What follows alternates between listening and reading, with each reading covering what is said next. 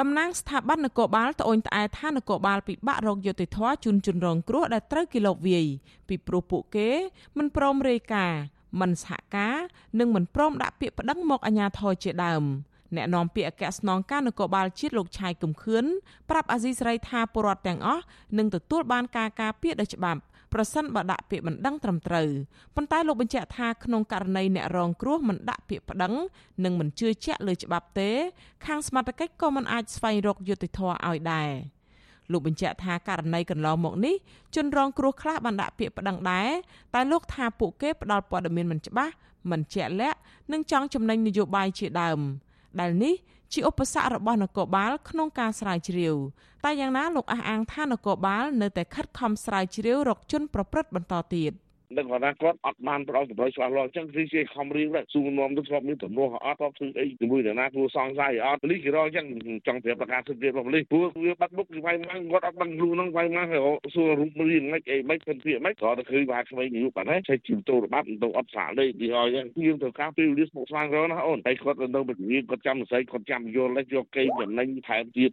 លើសមាជិកងานតម្លាក់លើរដ្ឋាភិបាលគាត់ថាហ្នឹងហើយជួបពេលខ្លះគឺអាងឹតដូចយុវអញ្ចឹងការបញ្ជាក់ពីមេប៉ូលីសផ្កាយ3រូបនេះធ្វើឡើងក្រោយពេលដែលជនមិនស្គាល់មុខបន្តលបវាយសកម្មជនគណៈបកសង្គ្រោះជាតិជាបន្តបន្ទាប់ទាំងនៅរាជធានីភ្នំពេញនិងតាមបណ្ដាខេត្តអ្នករងការលបវាយចុងក្រោយគេ គឺចៅសង្កាត់រងទី2ជាប់ឆ្នោតនៃគណៈបកសង្គ្រោះជាតិនៅសង្កាត់កំបូលរាជធានីភ្នំពេញលោកប្រាក់សីហាលោកត្រូវបានជនមិនស្គាល់មុខ2នាក់យកដុំថ្មវាយផ្ទប់នឹងមុខរបស់លោកបណ្ដាលឲ្យរងរបួសបែកមាត់ដីជាង10ធ្នេនិងបាក់ធ្មេញមុខមួយកំណាត់គ្រាប់ ហេតុការណ៍នេះកើតឡើងពេលលោកឈប់រមាក់កង់3រងចាំភ្លើងស្តុបនៅខាងមុខផ្សារដេប៉ូកាលពីថ្ងៃទី16ខែកុម្ភៈលោកប្រាក់សេហាប្រាប់អាស៊ីសេរីនៅថ្ងៃទី17កុម្ភៈថាមុខរបួសលោករៀងអន់ឈឺចុកចាប់ខ្លះហើយតែលោកគ្មានលទ្ធភាពបន្តការព្យាបាលនៅមន្ទីរពេទ្យឯកជនទៀតទេលោកកំពុងពឹងពាក់គ្រូពេទ្យអង្គការលីកាដូ ជួយមើលមុខរបួសឲ្យ ជនរងគ្រោះដដែលសង្ស័យថាការលបវាយនេះបណ្ដាលមកពីរឿងនយោបាយដោយសារតែលោកមិនព្រមចោះចូលជាមួយគណៈបកកាន់អំណាចនិងដោយសារលោកឧស្សាហ៍ចូលរួមក្លំមើលការតវ៉ារបស់ប្រពន្ធសកម្មជនគណៈបកប្រឆាំងនិងសកម្មជនសង្គមកន្លងមកបុរសវ័យ37ឆ្នាំរូបនេះឲ្យដឹងថា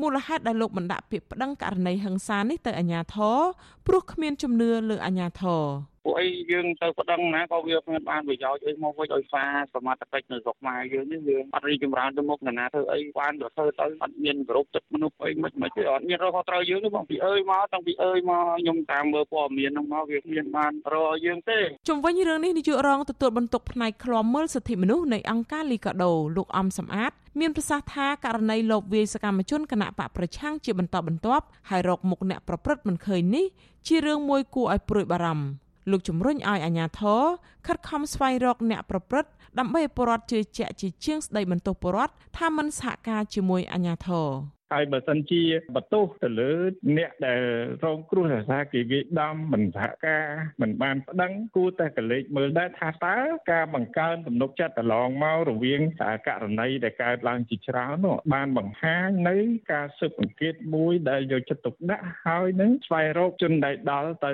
បានទៀតទោសបានហើយឬនៅអាហ្នឹងបានយើងត្រូវគិតគូរឡើងវិញណាគិតត្រឹមថ្ងៃទី16ខែកុម្ភៈជនមិនស្គាល់មុខបានលបវាយសកម្មជនគណៈបកសង្គ្រោះជាតិនិងសាច់ញាតិនិងអ្នកសម្ដែងមតិជាង30នាក់ហើយ